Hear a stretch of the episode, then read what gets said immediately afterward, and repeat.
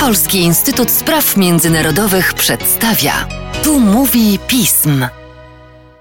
Tu mówi pism. Przy mikrofonie Mateusz Józwiak, a wraz ze mną wyjątkowy duet ekspercki. Mamy bowiem okazję nagrać dzisiaj podcast z dwoma analityczkami Polskiego Instytutu Spraw Międzynarodowych, Marią Piechowską oraz Anną Marią Dyner. Cześć Wam. Cześć.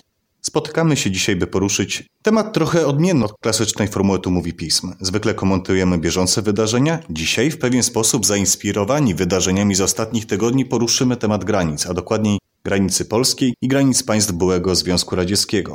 Temat o tyle ciekawy, jak złożony, bo przecież na przestrzeni lat zmieniał się ich charakter, długość, sposób ochrony, sojusznicy, którzy stacjonowali przy tych granicach. Jak to się kształtowało, Waszym zdaniem? Przede wszystkim, jeżeli myślimy o granicach e, Polski, to warto zwrócić uwagę, że one się nie zmieniały u nas po naszej stronie polskiej od II wojny światowej. Natomiast e, zmieniła się struktura tych granic przede wszystkim na wschodzie. To znaczy, po upadku e, Związku Radzieckiego zamiast jednego państwa mamy za sąsiadów cztery kraje czyli obwód kaliningradzki należący do Rosji, Litwę, Białoruś i Ukrainę. I w zasadzie każdy z tych przypadków jest różny. I każdy z tych przypadków obecnie generuje nam pewne wyzwania, czy to natury społecznej, czy natury wojskowej. Z czym mamy do czynienia, z czym, o czym rozmawialiśmy też e, choćby w poprzednich podcastach w związku z obecnym kryzysem wywołanym przez Aleksandra Łukaszenkę ale też e, warto zwrócić uwagę, że te granice wyglądały różnie, one mają różne podłoże społeczne, różne podłoże historyczne, i w niektórych miejscach do tej pory tak naprawdę widać ich sztuczność, kiedy przechodzą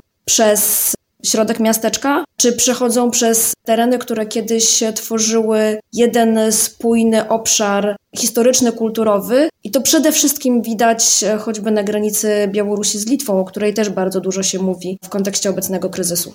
Do 1991 roku e, granice wewnątrz e, ZSRR były praktycznie niechronione, bo nie było takiej potrzeby. I tak granica białorusko-ukraińska czy ukraińsko-rosyjska to były takie tylko po prostu linie na mapie, a w świadomości ludzi one często po prostu nawet nie istniały. Tutaj dodam taką historię z mojego doświadczenia. Na początku lat 2000 robiłam badania przy granicy ukraińsko-białoruskiej. To były takie badania etnograficzne prowadzone w miejscowościach, które obecnie znajdują się jakieś 5 km od granicy z Białorusią, a przed wojną znajdowały się w Polsce 10 km od tej granicy sowieckiej.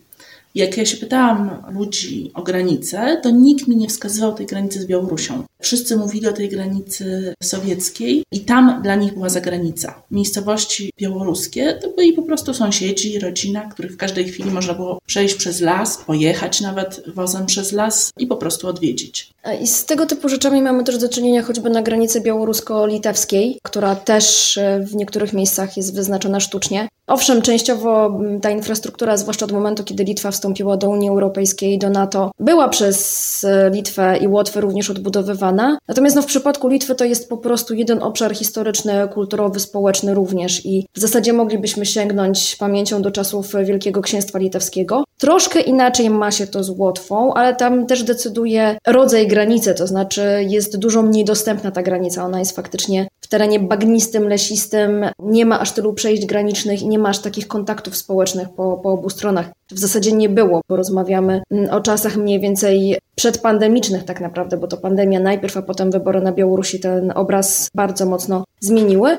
No i oczywiście mamy do czynienia z granicą polską, która jest całkiem dobrze chroniona, ale też y, wcześniej uważano, że raczej te przeszkody naturalne w postaci puszczy, w postaci rzeki, czy w przypadku e, granicy z Ukrainą gór, będą lepszą zaporą niż jakiekolwiek zapory sztuczne. Oczywiście te zapory były monitorowane, w niektórych miejscach była infrastruktura zbudowana, Natomiast e, nie przywiązywano do tego aż takiej wagi, tym bardziej, że jakby strona białoruska, zwłaszcza jeżeli rozmawiamy w kontekście obecnego kryzysu, też swojej granicy pilnowała i dostać się na terytorium Białorusi było bardzo trudno. I tak było właściwie do początku XXI wieku, po czym zmieniło się kilka uwarunkowań. Przede wszystkim część z tych granic, o której mówimy, czyli granica Litwy, Łotwy, Polski, stała się zewnętrzną granicą Unii Europejskiej i strefy Schengen.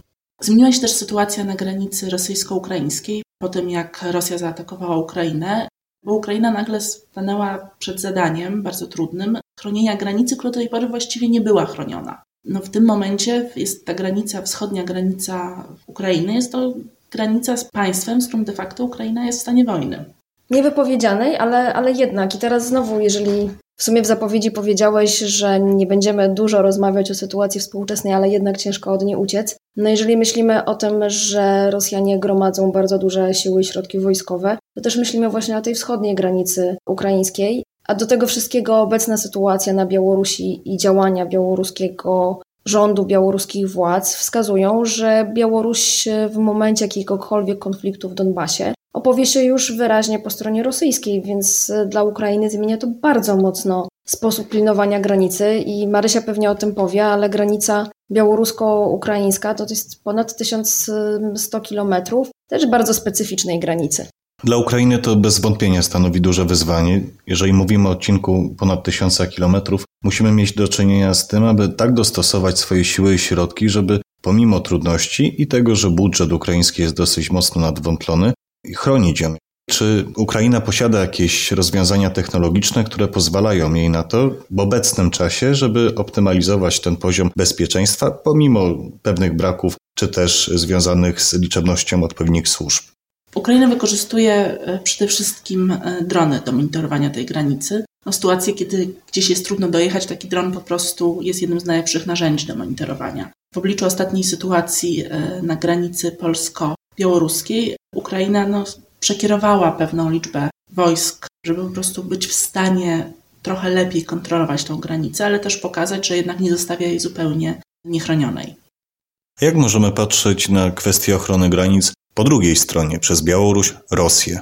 Tu widzisz, dotykamy bardzo ciekawego kwestii, bo w zasadzie nie ma granicy wewnętrznej w państwie związkowym. To znaczy, oczywiście między Białorusią i Rosją były dość długo kłótnie i spory co do tego, w jaki sposób e, ta granica powinna wyglądać. W pewnym momencie doszło do tego, że zostały zamknięte wszystkie międzynarodowe przejścia graniczne, czyli w zasadzie z Mińska do Moskwy obywatel, nie będący obywatelem Rosji albo Białorusi musiał jechać naokoło przez, e, przez Łotwę i Estonię na przykład.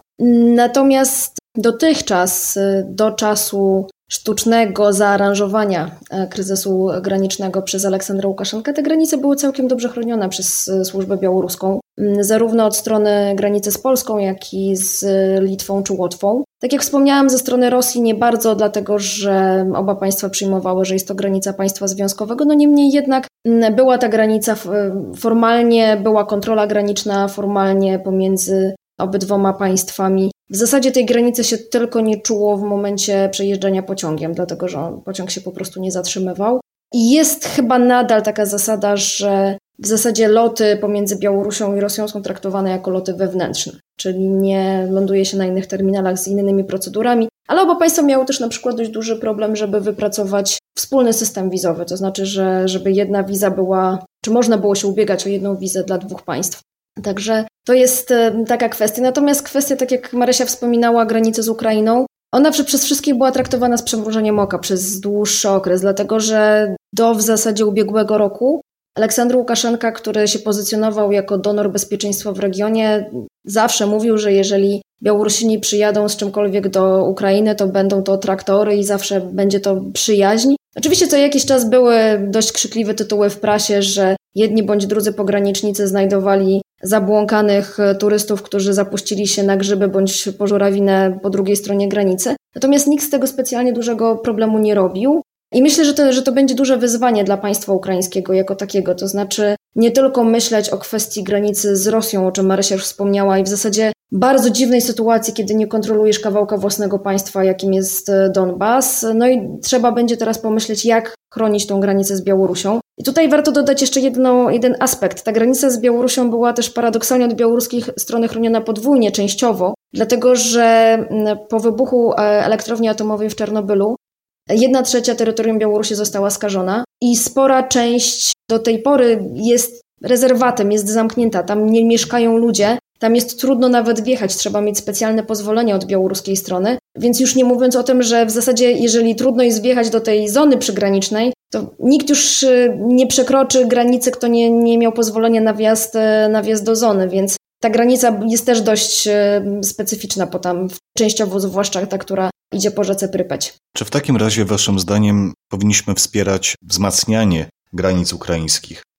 Ukraina jako państwo, państwo niezależne po prostu jest nam potrzebne. Dlatego każda pomoc w strzeżeniu granic ukraińskich jest w jakiś sposób też pilnowaniem naszego bezpieczeństwa. Dodam tu taki przykład. Wydaje się prawdopodobne, że pewne grupy migrantów z Białorusi mogą próbować się przedostać e, na Ukrainę. Z tej Ukrainy będą musieli się potem, potem się dokądś dostać. Najprawdopodobniej przez granicę polską albo słowacką, która jest króciutka akurat. Będą próbowali się dostać e, na zachód Europy.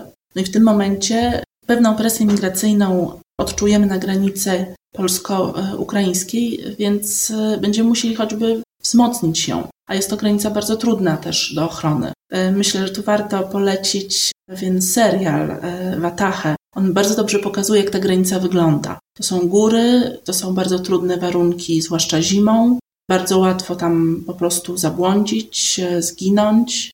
Mm, jeżeli już Marysia poruszyła kwestię serialu Wataha, to jest jeszcze jeden ważny aspekt, z którym zawsze się państwo polskie musiało mierzyć, czyli kwestia przemytu. Niektóre historie są anegdotyczne i e, to, co potrafili opowiadać celnicy, z czym mieli do czynienia, choćby na granicy z obwodem kaliningradzkim, z Rosją, z Białorusią czy, czy z Ukrainą, w zasadzie z jednej strony wywołują uśmiech, z drugiej pokazują pomysłowość ludzką, mm, a z trzeciej jednak stopień determinacji ludzi. I e, na przykład kwestie graniczne zawsze wywołują właśnie tego rodzaju zjawiska. Dlaczego? Ano dlatego, że choćby są różnice w cenach towarów po obu stronach, co zwłaszcza z obwodem kaliningradzkim można było obserwować, i kolejki Volkswagenów Passatów z 90-litrowym bakiem. Ludzie, którzy po prostu przejeżdżali na drugą stronę, tankowali do pełna i zwyczajnie na tym zarabiali, mówiąc, że to jest w zasadzie ich podstawowe źródło dochodu. Oczywiście obecnie to się nazywa służba, służba celno-skarbowa, wcześniej służba celna starała się z tym walczyć, bo to są straty dla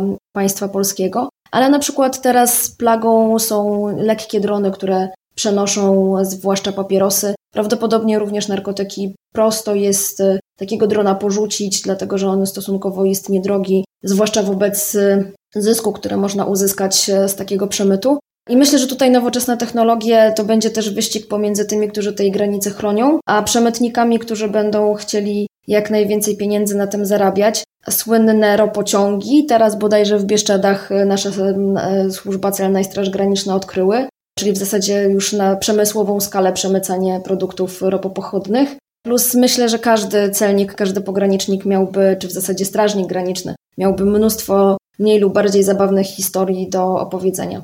Jak widać, szanowni państwo, granice generują różne problemy i wyzwania. Są to wyzwania społeczne, militarne, związane z bezpieczeństwem, ale także z migracją. Temu, jak się będzie rozwijać sytuacja na granicy Unii Europejskiej, będziemy się przyglądać w najbliższych miesiącach, a tymczasem dziękuję Wam, drogie Panie, za dzisiejszy podcast. Dzięki. Dziękuję. Państwa zaś zachęcam do śledzenia naszej strony internetowej, czytania najnowszych biuletynów i komentarzy, śledzenia mediów społecznościowych, a z mojej strony to już wszystko. Dziękuję za uwagę i do usłyszenia.